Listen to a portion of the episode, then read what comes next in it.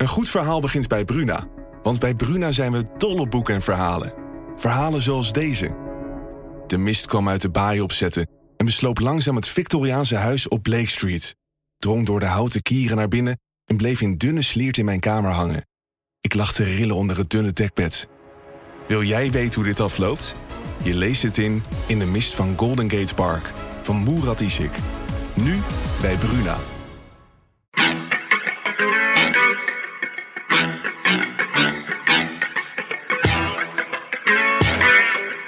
Dit is, dit is het land van Wierde. Een podcast van de Telegraaf met analyses op het nieuws die u elders niet hoort. Met Wierde en Kamran Oela.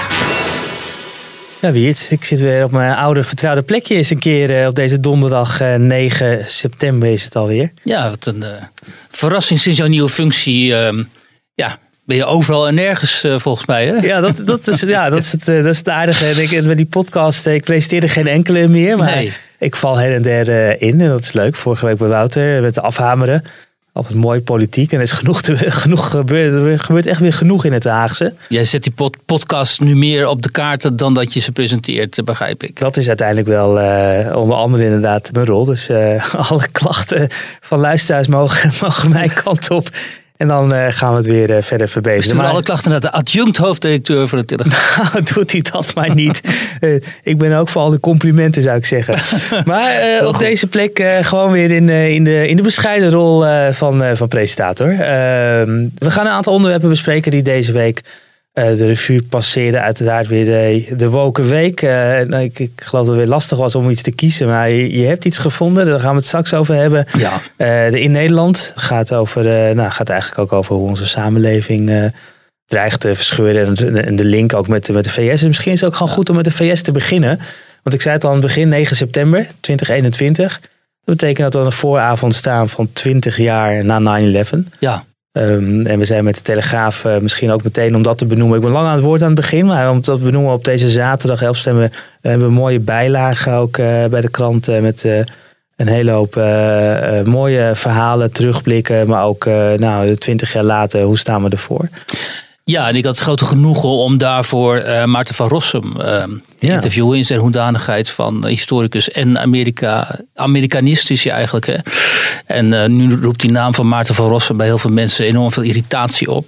Wat ik altijd heel erg grappig vind. Ik moet altijd vreselijk om eh, Maarten van Rossum lachen. En ehm, ik zit af en toe wel met hem bij radioprogramma's en zo. En dan, ja, we zijn natuurlijk meestal heel erg met elkaar oneens. Maar dan blijft het toch altijd heel erg eh, grappig, omdat hij... eh, eh, zo ironisch is. En wat je eh Maarten van Rossum moet nageven, dat is dat hij destijds, 20 jaar geleden, een op dat moment zeer dissident geluid liet horen. Hè? Hij zei van, eh, luister eens, iedereen roept nu wel in alle emotie en- commotie dat we in oorlog zijn met het islamofascisme en...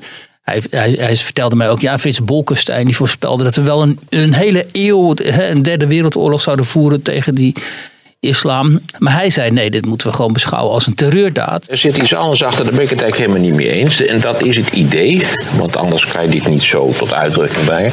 Dat, het, dat dit een act of war is. Dat het hier gaat in feite om reguliere oorlogvoering. Naar mijn idee gaat het helemaal niet om reguliere oorlogvoering. Want dan ga je er naar mijn gevoel vanuit dat twee soevereine naties met elkaar in oorlog raken. Dit is een fundamenteel andere situatie. Namelijk een situatie waarbij een terroristische daad is gepleegd door een organisatie die helemaal niets, laten we zeggen, heeft van de trekken van een natie. Behalve wanneer mogelijkerwijs een nazi erachter zit. Als dat zo zou zijn, zou het ook heel anders uit gaan zien. Dan kun je spreken van een act of war. Dus we moeten ook niet opeens met legers en eh, allerlei invasies gaan eh, uitvoeren. Maar we moeten gewoon zorgen dat we die terreuraanslagen verijdelen. En dat we de daders eh, voor de rechter brengen. Maar da- daarmee maakt hij, maakt hij zichzelf zo enorm impopulair.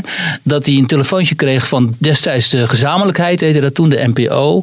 En die zeiden: Ja, zeg, eh, er komen allemaal klachten uit het land. Ehm, eh, we gaan je niet meer uitnodigen als duider. Want. ehm, de mensen die waarderen jouw bijdrages niet meer.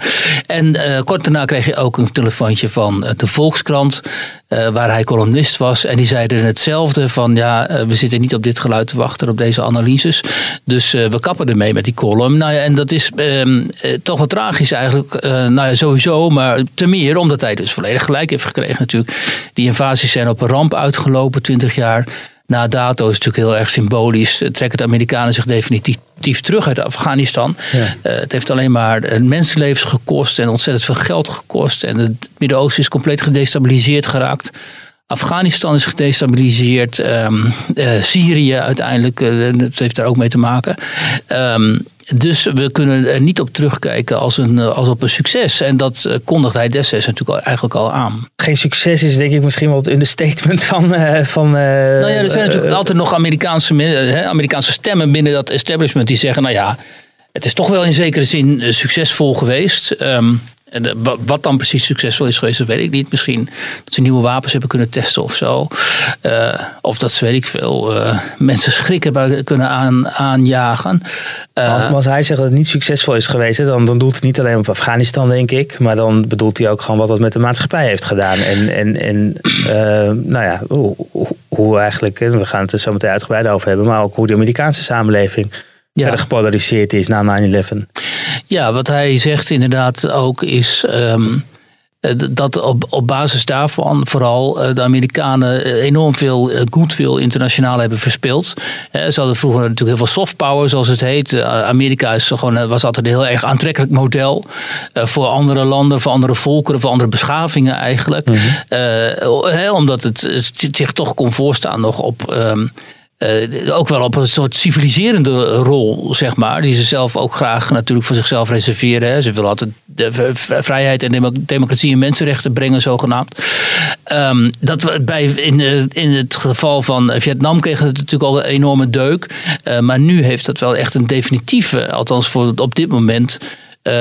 Ernstige schade op, opgelopen. Hè. Dus die, die soft power, dat is voor een heel deel door het fiasco in Afghanistan en Irak uh, is het natuurlijk afgebladderd mhm. eh, heel sterk. En uh, terwijl tegelijkertijd China is opgekomen als grootmacht. En Van Rossum zegt ook, nou China is op zichzelf niet zo'n aantrekkelijk model. Want het is toch een beetje een, een, een naargeestige dictatuur natuurlijk. Maar het economische model van China en de manier waarop zij in Afrika en zo, die de infrastructuren opbouwen en daarmee ook eigenlijk regimes aan zich schatplichtig maken. Zo is in ieder geval voor die elites daar wel heel, wel heel aantrekkelijk. En um, ze komen in ieder geval, ze vallen, dat, zeg je, dat zegt hij niet, maar dat zeg ik, ze vallen in ieder geval niet met uh, uh, grondsoldaten en uh, lucht, lucht geschut. gevechtsvliegtuigen. Ja. Zocht ik eigenlijk naar. Ja, ja luchtgeschut. Deze zijn ook gevechtsvliegtuigen, maar ja. ik snap wat je bedoelt. Maar ze vallen in ieder geval niet die landen binnen, weet je wel. Nou ja, Taiwan dan misschien over een tijdje of zo, maar in ieder geval. Um, um, de, de, mensen kijken niet in angst en beven naar, uh, naar, die, naar zo'n militaire dreiging uit China. En um, ja, om daar aan toe te voegen, zag gisteren bij Nieuwsuur, geloof ik, uh, gesprekken, uh, onder andere met Ben Rose, was een adjudant van, van uh, op buitenlandse zaken van mm. Obama, en nog een ander iemand. En die zeiden, nou ja, die hadden het hierover. En die tweede meneer die zei van joh, eh, we waren hè, voor 9-11 al zo lang bezig uh, in Irak ook gewoon om bombardementen uit te voeren. Is ook zo. Hè. Ze waren natuurlijk altijd, we zijn illegaal. We waren gewoon aan het bombarderen. Net zoals dat Israël af en toe in Iran dan weer iets uitschakelt en zo. En um, we smeten gewoon van bovenaf die bommen op dat land. En het keek, realiseren ons eigenlijk helemaal niet wat we daar aan schade aanrichten. Ook uh, onder die uh, bevolking. Dus die haat die was al zo zo, zat al zo diep. En dat is ook wel een goede analyse. Ik meen dat Ben Rose het zei van. Uh, kijk, die, die kapers, die, die vliegtuigkapers van 9-11, die hadden niet zozeer een probleem met het Westen of met de Verenigde Staten. Hoewel, dat weet ik niet, maar dat zegt hij. Maar ze hadden gewoon een enorm probleem met de Amerikaanse buitenlandse politiek. Hè, met onder, dat weet je ook nog wel. Onder andere dat de, de, de Verenigde Staten daar een militaire basis hadden in Saudi-Arabië, het ja. heilige land. If you read what they said. You know, from bin Laden on down, and you examine the lives of these hijackers, some of whom were quite educated, um, they didn't hate our freedoms, they hated our foreign policy. Um, they, they, hated troops in Saudi Arabia, they hated the U.S. support for autocratic regimes that had oppressed them. En het is wel interessant om dat soort uh, verhalen allemaal weer eens op te rakelen. Uh, ook over die, uh, die wapeninspecties destijds, weet je wel, met die Baradei. Ik was die naam al helemaal vergeten, maar van Rossum is bezig met een boek, dus hij heeft ook al die namen weer paraat en zo. Bijvoorbeeld, uh, er werd immers gesuggereerd destijds dat die uh, Saddam de, weapons of, de wapens van uh, mass destruction, mass destruction zou ja. hebben. Hè. En, um, en die inspecteurs die vonden nooit iets. Uh, dus die zei, ja nee, die zijn er uh, gewoon niet. En ik herinner me, toen was een correspondent in Duitsland. En toen kwam ook een van die inspecteurs. Die kwam daar met journalisten praten, met ons dus. En um, dus ook met Duitse collega's. En uh, ik had het interview ook af uh, destijds in de krant. En uh, twee weken daarna of zo belt een Duitse collega mij. Die zegt, joh, die inspecteur die wij gesproken hebben, die is dood. Die is gewoon dood teruggevonden ergens in, in, in Engeland. En de vraag was dus of die niet vermoord was. Hè? En, ja. en, toen voelde je al van, jee, dus hier kan wel eens echt een heel duister...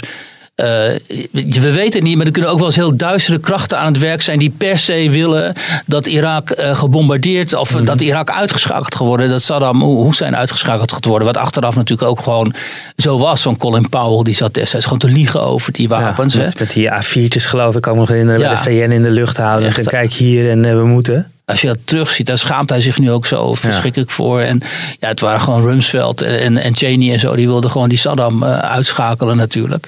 Um, ja, en als je dat nu, dat nu weer overdenkt, weet je al, de, de, de, Twee dingen. De massaliteit ervan uh, en dat het überhaupt gebeurde, dat het kon gebeuren. En ook de, uh, waar Van Rossum dus op, op wees. Uh, de, de, de mono-opinie die destijds begon te gelden. Hè? Dat kritiek op uh, dat optreden en op die invasies. Dat het althans in Nederland en in de Verenigde Staten, meen ik ook. eigenlijk not done was. Terwijl in landen als Frankrijk en Duitsland, ook België en zo. Was er gewoon, werd het kritische geluid werd veel meer gehoord. En misschien is het toch wel iets typisch Nederlands. Dat als zodra een soort communistische opinie over, over iets bestaat. Dat dan mensen die daar dan weer kritiek op hebben. Of die daarvan afwijken. Ja, dat die eigenlijk gewoon de mond worden Want heeft Van Rossum zich als het paria gevoeld toen?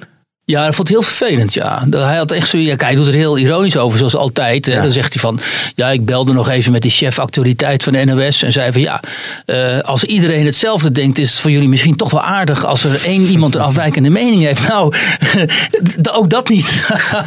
dat werd niet op prijs gesteld. Dus ja, toen is hij maar in al zijn ironie en cynisme is hij maar afgehaakt. Uh, maar dat moet voor hem natuurlijk toch wel heel kwetsend uh, zijn geweest. Dat te meer omdat hij achteraf bezien uh, zo gelijk heeft. Maar ja, hij heeft natuurlijk heel sterk de neiging om alles heel klein te maken, heel erg te bagatelliseren, heel erg te relativeren en zo. En dan op een gegeven moment loop je dan het risico dat mensen je niet meer geloven. Hè? Want mm. mensen denken, ja, maar nee, dat, dit kan niet, zo is het niet. En um, hè, dan, uh, ook die hele, milita- of die hele Amerikaanse bestuurlijke elite van destijds, die dan allemaal wegzet als prutsers en zo, weet je wel. Terwijl als je dan een beetje met hem doorpraat, dan zegt hij, uh, hè, dan, dan, nuanceert hij dat. Dan zegt hij natuurlijk, ja nee, die Dick Cheney, dat is natuurlijk wel een hele hyper-intelligente vent. Die kan ook wel wat. Ja, die, die Bush junior, die kon niks. Maar die mm. Cheney, nee, die was echt... Of had een heel mooi verhaal over Wolfowitz, wat de krant niet heeft gehaald. Maar Paul Wolfowitz was een van die mensen die dan echt die oorlog wilde en zo. En die kreeg op een gegeven, gegeven moment spijt ervan dat was een van die neocons, weet je wel, die neoconservatieven. En die kregen op een gegeven moment spijt ervan. En um, uh, Van Rossen vertelde dat hij dus uh, heel vaak dan een, het militaire hospitaal bezocht. Waar dan jongens uh, lagen die dan gewond waren geraakt en zo. Ja, mismaakt geraakt natuurlijk. En dat Wolfowitz ook heel vaak het militaire ehm, begraafplaats dan ging bezoeken. Ook een soort van het spijt vroeging over hoe dit allemaal was gelopen. Nee. Dus het zijn niet allemaal, hè, we weten van Cheney dat hij enorme cynicus is. Maar het waren dus kennelijk toch niet allemaal die uh, mensen die destijds aan het touwtje trokken. Trouwens, een mooie documentaire ook uh, nu op Apple Plus te zien. Ja, het is verschrikkelijk dat het allemaal uh, verschillende streamingdiensten zijn, maar over 9-11 zelf. En dan blikken eigenlijk de, de, de Amerikaanse hoofdrolspelers qua politiek. Bush, Cheney, Condoleezza Rice, die, die, die blikken terug op. Mm -hmm. zo echt een, echt een aanrader. En, Volgens mij heb je wel die, gezien, op die, op die dag zelf. Uh, het, het, fascinerende daarvan is overigens dat een soort Bush als een soort held uh, eruit komt. Dat hij alles die dag geweldig gedaan heeft. En, uh, hij zat en, op die school, hè? Toen hij, ja, hij zat op die school en hoe dat dan precies gegaan ja. is. En hij vertelt nu dat het natuurlijk heel veel kritiek dat hij, geloof ik, een kwartier, twintig minuten op die school bleef zitten. En toen toch maar weer de klas inging. En, Ehm, en, en nu vertellen ze verhaal daarachter ook eh, hoe, die, hoe die lijnen en eigenlijk de communicatie heel slecht was. In die Air Force One hadden ze amper bereik Ja. eh, toen ze opstegen. ja. Eh, fascinerend om, Nee, eh, achteraf zegt hij van ja, hij, hij deed dat expres om een beetje de rust te bewaren. Hè? Om niet eh, Klopt. iedereen in paniek Ja. te brengen. Ja. Nou ja, dat, dat lijkt me ook best wel een Ja, en als je dus die tijdlijn Ja. ziet, tussendoor zaten ze gewoon inderdaad te bellen met eh Cheney zat in, in de bunker in het. Witte Huis en daar werd, daar werd contact mee gezocht. En Ja, ik weet een van de, dat is misschien ook een heel oud verhaal, maar dat kwam nu weer naar voren daarin. Heel fascinerend vond. Ze waren met te veel mensen in die bunker dat op een gegeven moment eh, was iedereen een beetje suf aan het worden. Bleek gewoon te weinig zuurstof te zijn. Eh, toen hebben ze, eh, toen hebben ze allerlei secundanten gezegd: gaan jullie maar weg. We blijven Oh ja. hier achter met een paar houten metoten. ja, ik denk, ja, het zal het zijn dat daar het halve kabinet eh, op dat moment op de, eh, in de grootste crisis gewoon eh, omvalt. Omdat er niet genoeg zuurstof Ja, is. ook, zo- hij is ook een tijdje in de Air Force One blijven hangen, toch? Omdat ze niet, konden, niet, niet zeker waren of ze konden Hij wilde heel ergens. graag terug en dat komt dus heel nadrukkelijk terug. Hè. Er was toen ook kritiek op waar is Bush. Ja, En dat hij gewoon echt een ruzie stond te maken, ook een keer met zijn chief of staff. Dat hij heel graag naar Washington DC terug wilde, want hij wilde daar zijn. ja. En dat, eh, maar dat, dat, dat eh, de Security eh, Secret Service, die zegt van ja, hij kan wel bevelvoerder zijn, maar in de Air Force One ben ik de baas. Want ik moet zijn veiligheid garanderen. Eh, gaan we niet doen. Dus die zijn inderdaad naar allerlei militaire vliegvelden en dan gingen ze daar weer overleggen. Fascinerend. Maar hij wilde absoluut zo snel mogelijk terug. En wel ja, fascinerend om te zien dat, eh, hoe hij dan opeens dan, als je documentaire 90 minuten ziet, dat hij er toch uitkomt als iemand die de touwtjes echt in handen had die dag en echt wist wat er gebeurde. En Cheney minder. Interessant. hè? Ja, maar zo is ook altijd hè, over Bush gezegd, hij is heel dom. En zo, maar hij is helemaal niet dom. En eh, hij heeft ook gewoon Harvard gedaan en zo. Hè? En Ja. ehm, bovendien is hij ontzettend geestig. Er is zo'n leuke documentaire ook dat hij dan met de pers in, het, in Air Force One zit. En dan gaat hij, eh, die journalisten die mogen dan, of zo, ja, zoals gebruiken, vragen stellen zo. En die Bush is daar gewoon vreselijk grappig. Ehm, terwijl van hem altijd werd gedacht dat hè, die, die, die- dat beeld bestond dan dat hij wat zullig was en, en eh, een vervelende man en zo. Maar, maar het is helemaal niet zo. Eh, ook, wel opmerkelijk is dat eh, Michelle Obama, eh, weet je, die gaat dan arm in afhandelen, zo ongeveer gearmd met hem op de foto Ja. en zo. Maar eh, eh, over deze post, wat betreft deze podcast, moeten we eigenlijk nog even hebben over de eh, complotten. Want heb jij nou ooit foto's gezien waarop je eh, daadwerkelijk de destructie van het Pentagon goed ziet? Of heb jij foto's gezien van dat eh, vliegtuig dat daar is neergestort, daar ergens in die bossen? Ehm, ik heb er maar een paar gezien. Ja, dat blijft ik vind die foto van het Pentagon nog steeds niet overtuigend. Nee. Overigens even eh, eh, voor de volledigheid, die documentaire heet 9-11 Inside the President's War Room. Ah. Dus als mensen hem willen zoeken, dan eh, Ja. weten ze hem die niet te vinden. Nee, ik heb geloof ik exact tien jaar geleden, toen, dat tien jaar werd natuurlijk ook teruggeblikt. Dus vol- volgens mij is het toen is een documentaire gemaakt met een van de grootste complottheorieën die er is Ja. rond het Pentagon. Ja. En eh, nou, als je die ziet, dat, eh, ik, ben, ik ben niet zo'n complotdenker, maar als je die ziet, ja, ik moet wel bekennen, de dagen daarna dacht ik toch van nou, ja, maar serieus. je- dat, hè, dat, dat was ook dat het vliegtuig, dat, dat, dat gaat echt om een groot, groot toestel. Ja. Eh, misschien zit ik erna. Ik geloof een Boeing 757, maar misschien was het een ander toestel, in ieder geval een passagierstoestel. Dat het helemaal niet zo laag over de straat op die manier het Pentagon in kan vliegen. hè. Dat moet Ja. altijd van boven komen. Ja. En dat er dan één, één camera was, geloof ik, bij Ja. een verkeerslicht. Ja. En daar zie je hem eh, voorbij flitsen, echt in een fractie van een seconde. Het is toch raar? Er zijn nauwelijks beelden van. Ja. Ik bedoel, hallo, in zo'n land waar overal, overal camera's, camera's zeiden zo. Ik ben een keer met George van Houts gaan praten. Die, eh, die theaterregisseur, weet je wel. Ja. Die gelooft in die complot rond eh, 9-11 en zo. Dat ik een paar keer met eh, een paar uur met hem eh zitten praten. Nou, daarna geloof je ook in die complot. Hij komt met allemaal dingen aan. Zodat je denkt, oké. En ehm, dus dat is natuurlijk ook eh, fascinerend hoe rond de, deze drama, rond dit drama, allemaal van dat soort eh, theorieën zijn opgetuigd. Ehm, maar ook dus niet zonder, zonder onderbouwing, omdat het inderdaad heel vreemd is. Een aantal zaken blijven gewoon heel erg eh, vreemd. Maar goed, nu ben ik niet voldoende ingevoerd om daar echt een oordeel over te hebben. Maar ik heb ook wel vragen dat ik denk van oké, maar hoe zat dat dan? En eh, nou ja, waar we het net over hadden. Dus ik kan me wel voorstellen, mensen die zich hier heel erg in interesseren en hier eh, zich enorm in gaan verdiepen, dat helemaal worden meegesleept door de mogelijkheid van een heel Ja. ander narratief, laat ik zo zeggen. We weten natuurlijk wel dat, dat er uiteindelijk toestellen zijn die de, de, de toren zijn in, in, ingevlogen. En natuurlijk ook aan boord, want daar is ook altijd discussie over geweest. En wie zaten dan aan boord? En eh waren er niet eh, wel eh, mensen in witte pakken die niet bestaan. dat, dat soort complotten zijn er ook. En dat komt overigens in die documentaire ook namelijk voorbij dat de vrouw van, een, van een van de mensen uit het kabinet, geloof de hoogste juridische eh, adviseur van, eh, van Bush. Zijn vrouw zat in een van die toestellen. Oh ja? En, eh, en die heeft nog even, want die, in die tijd kon je net bellen in toestellen. Ja. Heel duur met zo'n creditcard. en dan de, die, dus die belt hem nog om te zeggen van hijacked. En, en in plaats van dat hij juridisch advies geeft, is, is gewoon zijn vrouw. Ja. zit in, en die man die zit, dat is echt eh, ja, ook wel heel bijzonder om zijn verhaal dan te, te, te horen. Ben bij, die processen in Hamburg geweest tegen. ehm, ehm, want die, die gasten die kwamen uit Hamburg, hè, die eh, Atta en zo. Ja. Ik ben nog bij een van die processen geweest tegen. die, die cel, die terroristische Ja. cel had daar Ja. gezeten. hè? Ja. Dat hadden ze echt eh, ook voorbereid. Of Ja, die studeerden daar inderdaad. Het waren dus, eh, dat waren ook niet de standaard jihadisten of zo. Of ja, misschien wel, maar het waren gewoon hoger opgeleide middenklas eh, jongens. eh, uit best wel goede milieus.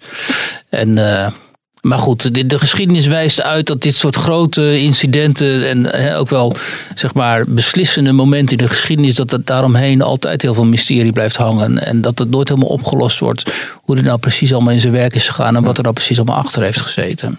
Want, maar voor de helderheid, ik geloof niet in de complotten. Ik, eh, het is altijd goed om de twijfel eh, die, die gezaaid wordt, om dat, eh, om dat zoveel mogelijk te onderzoeken wat, eh, wat er dan van waar is. Eh, maar het is wel interessant, want jij zegt net, hè, een beslissend moment in de geschiedenis. Mm. Eh, hoe beslissend eh, is 9-11 voor, voor onze maatschappij eh, in jouw ogen? Nou, ik denk voor een generatie een, een defining moment wel. Omdat toen duidelijk is geworden eh, hoezeer een bepaald deel van de wereld het Westen haat. Mhm. En dan met name de Verenigde Staten als de grote Satan en Israël als dan als de kleinere Satan. Zo hebben, daar hebben ze het altijd over.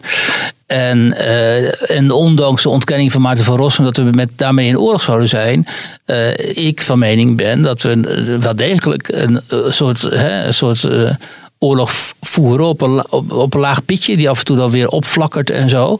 Ehm, met die ideologie. En die ideologie eh, ehm, heeft zich inmiddels ook gevestigd eh, in een groot aantal westerse landen, vooral hier in Europa omdat eh, met, eh, met de immigratie ook mensen met dit soort denkbeelden binnen zijn gekomen. En dat heeft zich ook telkens al bewezen in al die aanslagen, vooral ook in, in Frankrijk en zo. En nou, Bataclan hebben we net weer herdacht. Ehm, en dat- komt voort, die haat en dat die hang naar geweld en zo. Die komen voort uit diezelfde ideologie die, waarmee de twee Twin Towers eh, zijn eh, Ja. neergehaald. Ehm, dus in die zin leven wij sindsdien eh, in, permanent, in, in dit permanente, of met, in, in, de bewustzijn van dit permanente conflict. Moet je je voorstellen, hè? ik weet niet of je die serie hebt gezien over die Nederlandse eh, diplomaat in Azië. Die, ehm, eh, zeg maar die, die, die moordenaar eh, achter de vodden zit. Ik ben even de, de titel vergeten van die serie. Een hele mooie serie is dat. Die speelt in de jaren zeventig vooral. En dan zie je dat de West, Westerlingen zich nog eh, vrij, zeg maar, onbekommerd daar door al die, door die regio's begeven. Dat je gewoon door Afghanistan rijdt en door Pakistan en zo. In, in van die VW-busjes en eh, met veel love and peace en zo, al die hippies. Ehm, dat, dat is toch een totaal andere tijd moet dat zijn geweest eh, dan nu. Als je daar nu als Westerling naartoe gaat, ja, dan loop je grote kans, eh, in ieder geval in Afghanistan, om ofwel gegijzeld te worden of omgebracht te worden. Dus hele regio's die destijds toch wel, zeg maar, min of meer bereisbaar waren. Ja, daar moet je nu, nu gewoon flink, flink oppassen. En dat is, ehm, dus, dat is ook een, een verschil met, eh, met die, dus tussen die onbekommerdheid van destijds en het bewustzijn nu. ehm, dat je als westerling, dan, mensen moeten niet onderschatten, vooral Amerikanen, echt gevaar lopen in dat soort eh contraien. Ja, maar ik denk, eh, ik, ik denk ook als we naar onze eigen samenleving kijken, dat, dat er dus, wat je zegt ook, duidelijk is geworden dat er niet alleen maar haat zit eh, wereldwijd, maar ook gewoon hier op de, op de grond, dat ook iets in, in eigen land kan, eh, kan gebeuren. Ja, weet je nog, hier stonden ook jongetjes eh, te juichen toen, toen die torens naar beneden gingen. En en in, in bepaalde milieus is natuurlijk een grote haat tegenover Israël. Mhm. En omdat Amerika wordt beschouwd als de belangrijkste bondgenoot en steun van Israël, haten ze Amerika ook. En dat, dat heb ik hier vorige week ben ik al gezegd in de podcast ook. Weet je, het, het, het, het ingewikkelde nu en ook wel het ang- angstige is dat. ehm, je, we hebben nu te maken met eh, nou, een nieuwe generatie ook eh, immigranten die vaak eh, hoger opgeleid zijn. En die ook bewust worden gerecruiteerd bijvoorbeeld voor de media. Hè? Dus mediaredacties zijn er echt eh, heel eh, in het kader van eh, diversiteit zo heel sterk op zoek naar ehm, ehm, nieuwe collega's uit die kringen. En je, je ziet gewoon, als je dan kijkt wat die mensen bijvoorbeeld op Twitter zetten, of ook wel stukken in de kranten, zo, wat ze dan schrijven, en zo, dan zie je het hele verhaal over Israël bijvoorbeeld draaien. Hè. Dan, dan gaat het veel meer richting, ja, Israël is bezetter van Palestijns gebied en zo. Israël is de kwade genius daar in die regio. En, ehm, dus de, dus we, we, we eh, niet alleen. eh, En dan moet je altijd heel goed op je woorden passen, want dat geldt natuurlijk lang niet voor iedereen, maar een aantal. Nou ja, net zoals die mevrouw die nu voor GroenLinks eh, in de fractie zit in de Tweede Kamer, hè, waarvan ook bekend is dat hij meeliep bij demonstraties tegen Israël, waar er ook hakenkruizen eh, te zien waren en zo. Ja, dat krijg je dan in onze instituties en ook in de academische wereld en ook in de media. En eh, dat is toch wel een hele belangrijke eh, verschuiving, omdat het de, zeg maar de communische opinio, de consensus die over een aantal hele belangrijke thema's eh, toch wel decennia gold na de oorlog, die is mede onder invloed daarvan aan het, eh, aan het eh, verschuiven. En, ehm, en de vraag is natuurlijk waar je dan uiteindelijk gaat uitkomen. Ik vind, dat vind ik eigenlijk nog wel het meest bedreigende, dat we juist, het is ook een beetje de, de strategie van de moslimbroeders, dat je juist door eh, dat soort meningen, opinies ook min of meer eh, te normaliseren. eh, dat we daaraan gewend raken. En hetzelfde geldt, dan gaan mensen zeggen... ja, maar het geldt veel meer voor de opinies van extreem rechts en zo... of radicaal rechts en zo. Nou ja, dat is ook een probleem, dat klopt. Dat moet je ook niet toestaan. Maar ehm, we moeten ook heel erg alert hierop op blijven. Want het is niet de bedoeling dat je zeg maar, je eigen samenleving eh, langzamerhand opblaast. Nou, 9-11 in ieder geval eh, ja, iets, iets wat dus bepalend is geweest in, in de recente geschiedenis. En voor wat je aangeeft voor, voor generaties. En ik heb het verhaal trouwens heel veel vaker, denk ik opeens heel veel vaker verteld. Maar voor me, ik, ik, zo voel ik dat zelf ook. Ik was tot 11 september 2000, of eigenlijk tot 12 september 2001 was ik gewoon een Amsterdamse Nederlander. Of Ja. een Amsterdammer.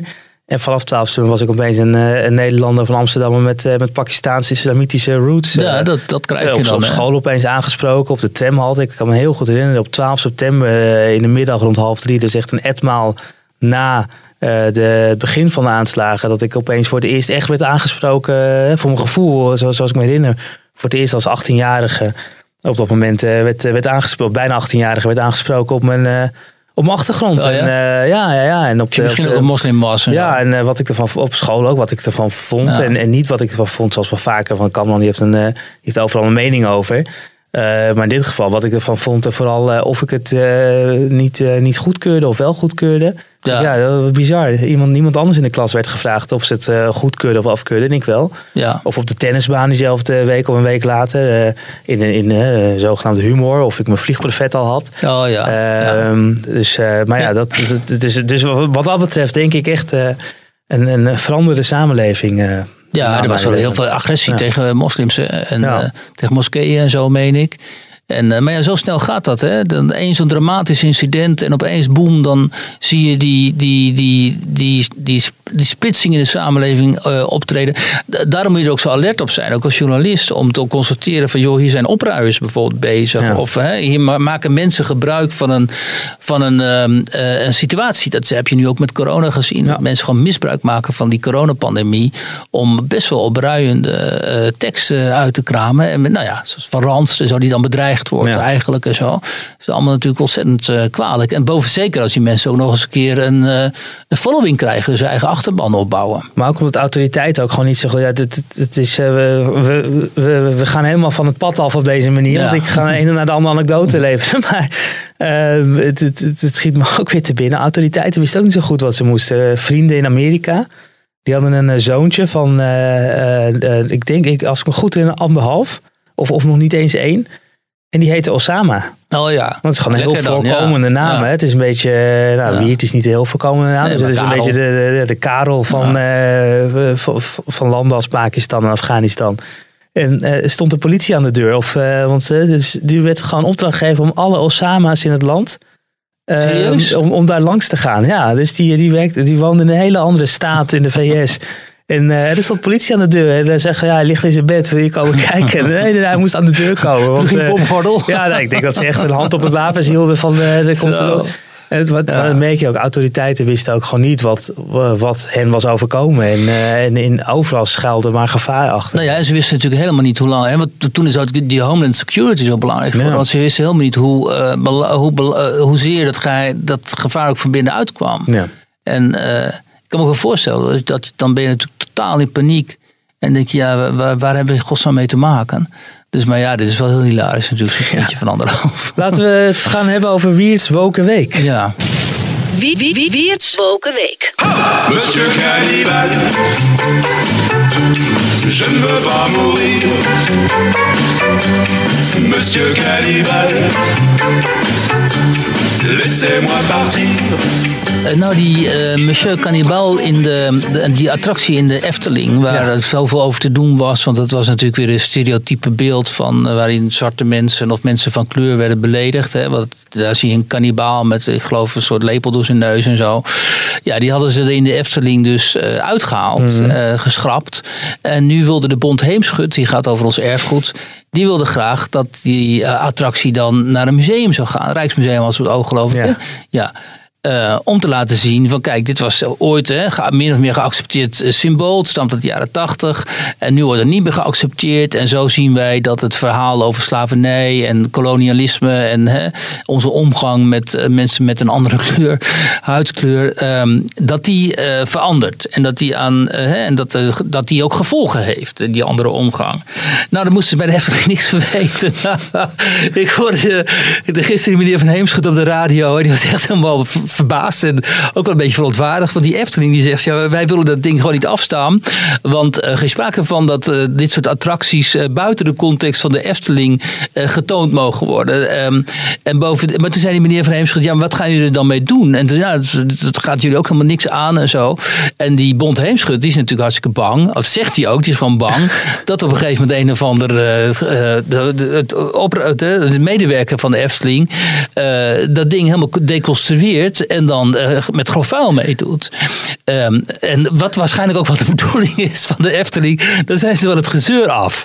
Eh, maar ja, nu is het dus ook een eh, discussie ge- geworden, omdat de Efteling zo koppig weigert om te zeggen, ja, dat is inderdaad ook wel hè, best wel leuk eigenlijk om zo'n ehm, zo'n ehm, zo'n zo'n ding, zo'n artefact, daar zocht ik even naar, uit onze cultuurgeschiedenis, om die te laten zien in een, in een museum. En nou ja, weet je, het is allemaal grappig en zo, maar ja, het toont natuurlijk ook wel weer dat mensen echt volstrekt overgevoelig hiermee omgaan. Ehm, omdat, ja. ehm, eh, ik, ik las ook bijvoorbeeld dat in Canada nu eh, een aantal scholen een enorm aantal eh, strips heeft verbrand. Hè? Ja. Van Asterix en Obelix en ik weet, nou, al die klassieke strips. Omdat de omgang met de oorspronkelijke bevolking, dus de indianen en zo. eh, Dat, dat beviel hen niet. Dat was dan eh, racistisch of zo. En eh, nou ja, we zijn al veel langer verwikkeld geraakt in deze verschrikkelijke cultuuroorlog. Waarin mensen maar alles menen te moeten, hè, te moeten doen. Zodat kinderen en, en, en onwetenden kennelijk niet in aanraking komen met allerlei verschrikkelijke in hun ogen symbolen. Ehm, en dan denk je, ja, het kan toch niet waar zijn dat mensen dit steunen. Hè? En, maar dan kijk je eens op die sociale media en zo. En er zijn er gewoon heel veel mensen die dit steunen. Ook dat gedoe met die eh, monsieur eh, Cannibal. De- ik las ook iemand op Twitter, gewoon een, toch een men- iemand met een functie en zo. eh, Ook in de cultuursector. Ja, die het dan volstrekt mee eens is dat dit ding gewoon wordt gedemonteerd. En dat we ervan van verlost worden van, de, van dit soort verschrikkingen. En ehm, ja, dat stemt mij toch altijd wel erg droevig dat, ehm, dat we hier zijn Maar uitgekomen. naar welk museum moet het wat jou betreft? Nou ja, die Bond Heemschut stelde dus het Rijksmuseum voor. Ehm, ja, het Tropenmuseum is misschien ook een idee.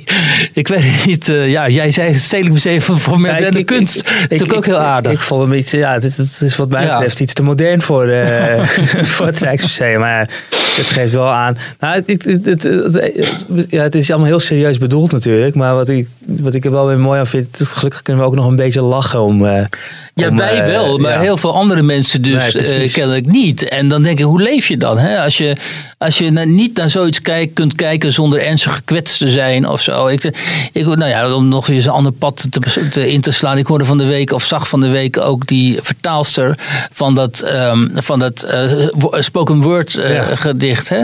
En, ehm, Die tijdens die, eh, hoe heet ze ook alweer? Amanda Gorman, toch? Gorman, ja, Ja. Die, die, die had gesproken tijdens de inauguratie van Biden. Ja, en toen ontstond er in Nederland nog zo'n schandaal over. Want ehm, het zou vertaald worden dan door een blanke eh, Ja, dichteres. Marieke Lucas eh Rijneveld. Ja, die dus geweldig is met taal. Hè? Als je die leest, dan denk je zo. Die is dichteres, hè? dat mag volgens mij niet in haar, in hun, hun, hun geval. eh. nee, wat is zij dan? Dichter of, of poëet of auteur? ja, ik, ik weet niet, maar het gaat meer om geslacht. Ik weet niet of het dichteres Oh, oh ja, Ja, precies. Want zij is non-binair, geloof ik. Of binair, whatever.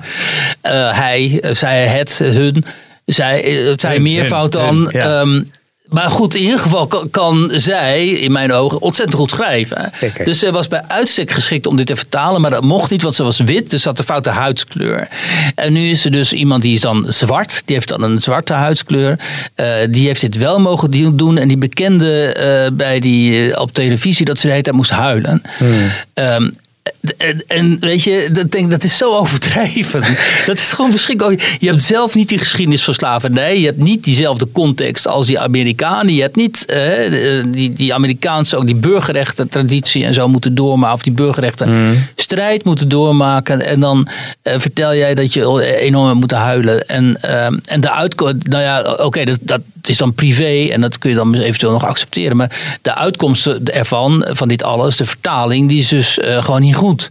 En dat is ontzettend jammer, omdat eh, in dit geval had het dus veel beter gekund. En je kunt er donder op zeggen dat eh, dit in andere handen beter was gedaan. En eh, het is dus allemaal politiek geworden. Hè? Alles is politiek, ideologisch. En We leveren dus kwaliteit in voor kwantiteit, hè, door, omdat we moeten klinken. zeg. Ja, we le- de kwa- kwa- kwaliteit, ja, deugen kunnen we zeggen, gaat voor het leveren van eh, kwaliteit. En dat wordt ook algemeen ge- geaccepteerd natuurlijk. Want deze mensen worden ook over die talkshows dan geverteerd. Er is niet één iemand in zo'n talkshow die dan zegt, joh, is dat niet een beetje raar hè, hoe dit allemaal gegaan is en zo. En ja, er is ook niemand die zegt van ja, het is toch niet zo'n goede vertaling. Hè. Dan, Bijvoorbeeld het woord slaaf, slave, dat wordt dan vertaald door, eh, tot slaafgemaakten, waardoor het hele ritme uit het gedicht gaat en zo. En ja, dat is allemaal toch wel heel erg jammer. Het, eh, het, het, het, het doet zo onrecht ook aan, eh, aan de cultuur eigenlijk, vind ik dan. Het, idee van de Weeds Woke Week is, eh, zo- zoals ik hem elke week beluister, gewoon één voorbeeld pakken. We, we, we hebben er nu alweer twee. Ja, en, ja. en ik zag ook nog Winston Churchill, kwam ook alweer niet. Ja, wat was dat ook weer? Die werd ook ergens gecanceld. Churchill Foundation, want eh, die, heeft, eh, die was ook fout. Dus die, eh, maar ze doen het, de naam veranderen ze nu. Ze halen nu Winston eraf. Dus het wordt nu de Churchill Foundation.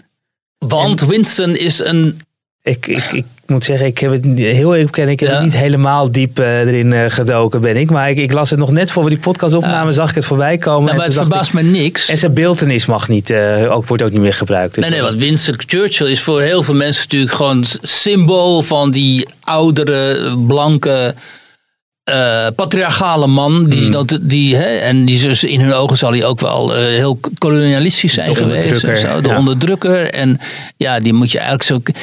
Het, leuke is natuurlijk dat je echt hele grote iconen uit de geschiedenis. die kun je gewoon niet uitwissen. Want daarvoor zijn ze te groot en te onaanraakbaar. Maar je kunt natuurlijk beginnen met een voornaam en een beeltenis. En dan hopen, weet je wel, dat over de jaar of 10, 20 en zo. uit- die mensen langzaam gewoon uit die geschiedenis geschreven zijn. En dat is, dat is ook hun, hun, eh, hun opzet. Hè? En hun doel van deze, wat eigenlijk een secte is wel. Ehm, eh, en de, de, de vraag is telkens, eh, is de, de dominante cultuur, zeg maar, de, de meerderheid, is die sterk genoeg om daar voldoende tegenwicht tegen te bieden? Of gaan ze zoals eh, in, vaak het geval is in Nederland vooral, eh, onmiddellijk op hun rug liggen en zeggen ze, nou ja, doe maar, want wij, wij, wij voelen ons ook daders en eh, we hebben eigenlijk ontzettend veel medelijden met jullie, wat we jullie in de geschiedenis allemaal hebben aangedaan en zo. Dus eh, we geven wel toe en dan, en dan snappen ze niet dat ze, als ze maar toe blijven geven telkens, dat ze dan gewoon langzamer bijdragen aan het wissen van een hele belangrijke delen van onze geschiedenis.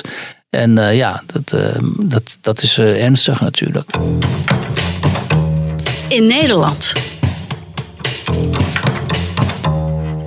Dan gaan we toch weer terug even een beetje naar 9-11. Want eh, je hebt gesproken met Sjoerd Beugelsdijk. Ja, Komt met een boek.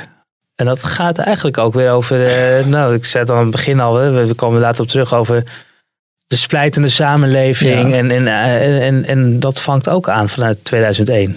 Ja, Beugelsdijk heeft een interessante theorie. En eh, hij is hoogleraar in Groningen aan, eh, bij Economie en Bedrijfskunde. Hij is socioloog ook. En dat boek wat hij nou heeft uitgebracht, dat verschijnt vandaag geloof ik of gisteren. Dat heet De Verdeelde Nederlanden. En hij, zei, hij stelt er een soort perfect, perfecte storm waar we in terecht zijn gekomen in Nederland. Eh, een combinatie van economische, sociale en politieke ontwikkelingen. En, eh, die, en als we niet oppassen, dan zorgt hij ervoor dat we uit het definitieve gespleten land, althans voor langere tijd gespleten land, eh, kunnen worden. En het grappige is wel, vind ik, hij heeft zo'n theorie dat het jaar eh, 2001 een soort sleuteljaar is. En dan ben je natuurlijk heel benieuwd hoe- waarom dan 2001 is het dan vanwege 9-11. Ja, zegt hij 9-11, maar ook eh, China. Dat in dat jaar lid werd van de Wereldhandelsorganisatie. Dat heeft economisch natuurlijk mondiaal alles veranderd. Hij zegt, had die grote demonstraties van antiglobalisten tegen de G8 in Genua. Die waren enorm gewelddadig, weet je nog. Daar waren we toen echt verbijsterd door Ja. hoe dat uitliep op eh, zo'n grote mate van geweld. En hij zegt dan ook in culturele zin stelde Nederland het burgerlijk huwelijk open voor partners van hetzelfde geslacht. En dat is natuurlijk ook wel een heel eh, bepalend eh, moment geweest. En hij zegt, eh, al die, al die factoren bij elkaar, al die incidenten bij elkaar, die gebeurtenissen, die, vinden, die zorgen ervoor dat voor mij 2001 het nieuwe 1968 is. En dan gaat hij vanuit daar ehm, eh, redeneert hij eh, verder. Ehm, en het essentieel in zijn boek is dan, of in zijn betoog, is ook dat je. ehm, hij zegt Nederlanders kunnen zich op eh, twee manieren met het land, met Nederland vereenzelvigen. Dat is via symbolen, dus Zwarte Piet. Of eh, de, de 5 mei, de dodenherdenking, of de bevrijdingsdag. Ja, allemaal van die grote eh, symbolische, nou misschien ook wel de vlag, het oranje gevoel en zo. Of eh, via eh, de grondrechten. Dus het recht op eh, hè, de Nederland als, als land. Ook, ook, dat is wel leuk natuurlijk, dat heeft hij niet zo gezegd. Maar ik neem aan, Nederland is natuurlijk bij uitstek het land. wat zeg maar juridisch, eh, via Hugo de Groot. Ja. Ja. Eh, juridisch internationaal recht heeft geformuleerd. Hè? Ehm, eh, dus een, een, een, die rechtsstaat, zeg maar, ehm, die hier ontstaan is. Ehm, en hij zegt, er zijn ook Nederlanders die associëren zich daarmee met die, met die grondrechten. Zeg maar, vrijheid van meningsuiting, vrijheid van eh, demonstratie, recht op demonstratie natuurlijk ook. Hè, homorechten, gelijkheid van vrouw en man en zo. Ehm, en nu hangt het van af in welke, tot welke groep je bevindt, waar, eh, eh, welke projectie van Nederland jij eh, omhelst, zeg maar. En die twee groepen, zegt hij, die zijn vooral tegenover elkaar gekomen te staan. En dan zegt dat is eigenlijk, één is eigenlijk Baudet, kun je zeggen, en het andere het kamp Kaag. Hè? Nou, dus het kamp Kaag is wel een hele goede eh, verpersoonlijking eh, eh, daarvan. En toen vroeg ik aan hem, ja maar luister eens, als ik naar die demonstranten ga, bij die coronademonstraties en zo, dan staan zij zich er juist op voor dat ze niet agressief eh, de ander afwijzen. Maar ze zeggen nee, we willen eigenlijk verbinding. We willen eigenlijk met jou praten, maar ook met mensen die anders denken dan wij. Want wij brengen, dat ken je wel, wij brengen liefde. Ja, niet die radicale rechtsextremisten die ook meelopen. Maar heel veel van die mensen, een beetje hippie-achtig. Die zeggen we brengen liefde en we willen eigenlijk met jullie in verbinding. En Beugelsdijk zegt ja, dat is interessant. Want die andere kant, die, dat kamp Kaag, die wil ook wel die verbinding. Maar met andere slachtoffers, namelijk met internationale slachtoffers. En dat zijn dan bij uitstek mensen die eh, meelopen met Black Lives Matter. Dus, eh, hè, maar ook natuurlijk moslims die onderdrukt zouden worden. En noem maar op. Dus de, de, de, internationale slachtoffergroepen hè, die wij ook kennen. Hij zegt, met hen willen zij verbinden. Maar niet met die mensen die meelopen in die demonstraties. En, ja, en zo, zo blijft dat eh clashen natuurlijk. En dat vond ik wel een interessante observatie. En ehm, wat ook wel interessant is, je hebt wel meer van dit soort boeken. Hè. Koen de Jong heeft een soort gelijk boek ge- geschreven. Sebastian Valkenberg over politieke correctheid en zo. Dus er verschijnen op dit moment wel een redelijk aantal van dit type boeken. Maar wat Beugelsdijk doet is ook, eh, eh, ook vooral ook economische factoren erin betrekken. En hij formuleert ook een soort aantal voorstellen van ja, wat kunnen we hier nou eh, aan doen? En dan heeft hij daaronder vallen dan een soort versoe- ver- versimpeling van die, van die verzorgingsstaat. Hij zegt, moeten gewoon, iedereen moet onder die verzorgingsstaat eh, kunnen vallen. Eh, die moet niet zijn die selectief zijn, maar universeel. Eh, weliswaar afgeslankt, maar wel toegankelijk voor iedereen. En al die idiote regels en zo die niemand meer begrijpt, waardoor ook eigenlijk zo'n toeslagenaffaire Ja. ontstaat. Dat moet allemaal vereenvoudigd. Weet je wel, doen we gewoon bijvoorbeeld ehm, kinderopvang gratis voor echt iedereen, onafhankelijk van je inkomen. Dan kunnen ook die kinderen al heel snel met elkaar in contact komen uit al die verschillende sociale groepen en etnische groepen. Nou, dat draagt misschien weer bij aan de integratie. Eh, hij zegt ook. ehm, wat, wat ik ook wel eh, gewoon wel een statement van hem vond, is van eh, we stoppen ook eens die import van die idioot eh, rassentheorieën uit de Verenigde Staten, hè, waar we nu met het hele woke gedoe in verzeild zijn geraakt. Want eh, nou, dat is wel dapper dat hij dat zegt. Je kunt niet zeggen blackface is gelijk aan Zwarte Piet. Want het komt uit een heel andere context. Het, eh, die term heeft een heel andere geschiedenis. En als jij als internationaal waarnemer gaat zeggen... ja, hier die Zwarte Piet in Nederland, dat is blackface... dus Nederland is heel racistisch en daar moeten ze mee stoppen. Ja, dan doe je onrecht aan, de, aan de hele, eh, het hele kader... waarin die Zwarte Piet Dus eigenlijk het is gaat eh, er niet zozeer om of. Zwarte Piet wel of niet. Hè? Dus misschien moet Zwarte Piet sowieso uiteindelijk weg, vindt hij ook. Maar het gaat om Ja, want die vergelijking. met, precies, Ja, met, eh, kunt met, met ja, Amerika. Ja, precies. Omdat blackface veel, veel heftiger, agressiever natuurlijk eh, karakter heeft dan, die, dan eh, die Zwarte Piet. Dus hij waagt zich ook nog wel aan een aantal eh, voorstellen. Maar ja, hij is ook wel een beetje beducht om zich in dit debat te begeven. Want dat snapt hij ook als je in, die, in dit cultuurdebat treedt. Ja, dan word je heel snel natuurlijk Mhm. in allerlei kampen eh, gestopt. En er zijn allemaal mensen op Twitter en zo die daar graag aan meedoen aan het framen. Ja. En eh, die, heel, die waarschijnlijk ook van beugels eigenlijk zullen zeggen van nou hier dat heb je weer zo'n blanke man of witte man. die met eh, rechtse sympathieën en zo, wat hij helemaal niet heeft. Maar ongetwijfeld zal hem ook dat overkomen. Maar ja, we zullen het zien. Het is in ieder geval belangrijk dat dit soort boeken er zijn. Zodat mensen goed zich kunnen informeren en kunnen begrijpen wat eigenlijk de, er gaande is in deze tijd. Boek komt komende week uit. En, eh, Ja, is deze al uit. oh, Is deze boek- week verschenen, Het boek is deze week uit. En eh, op, in de krant van eh, 9 september uitgebreid het verhaal. En ook eh, bij ons op de site en op de app natuurlijk. Yes. Te lezen in Nederland. Dan zijn we er denk ik eh, weer doorheen voor deze week. Ja, kan dan. Drie eh, kwartier er voorbij eh, gevlogen. Ja. Nou, volgende week weer. Hè? Of ben je dan weer met andere dingen bezig? Nee, volgende week eh, zit hier volgens mij weer eh Roel. Oh, kijk nou. Eh, en, dan, eh, en over twee weken is Robert Ophorst weer terug. Dus dan weer hier gewoon het vertrouwde geluid van eh, Robert We Ophorst. gaan de herfst in met Robert. Ja, we gaan Zo precies, ja. en wat voor hete herfst gaat het, eh, gaat het worden. Bedankt eh, voor het luisteren. Eh, het verhaal eh, met eh, Maarten van Rossum is te lezen in de krant van eh, zaterdag 11 september. En dan ook eh, bij ons op de site. Yes.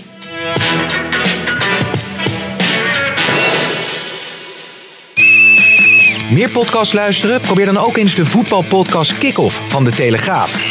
Met chef voetbal Valentijn Driessen altijd met een scherpe mening. Waarom haal je zo'n jongen? eh, Als, als ze mij naar eh, Zuid-Amerika hadden gestuurd, had ik ook wel gezegd van... eh, joh, laat die jongen lekker op de bank bij River Plate zitten. Want daar heeft Feyenoord gewoon niets aan. Met Ajax-volger Mike Verwij altijd met het laatste nieuws. Maar ik denk dat Iatare, ja, Overmars kennende, zal hij wel een poging wagen. Al is het alleen maar om een speldenprikje uit te delen. En het allemaal onder mijn leiding, Pim CD. Ik heb voor deze week nog Nederland-Spanje opgezet. Gewoon, gewoon, gewoon het commentaar. Wordt papa vrolijk van. Iedere maandag en vrijdag op de site van de Telegraaf en in je favoriete podcast-app.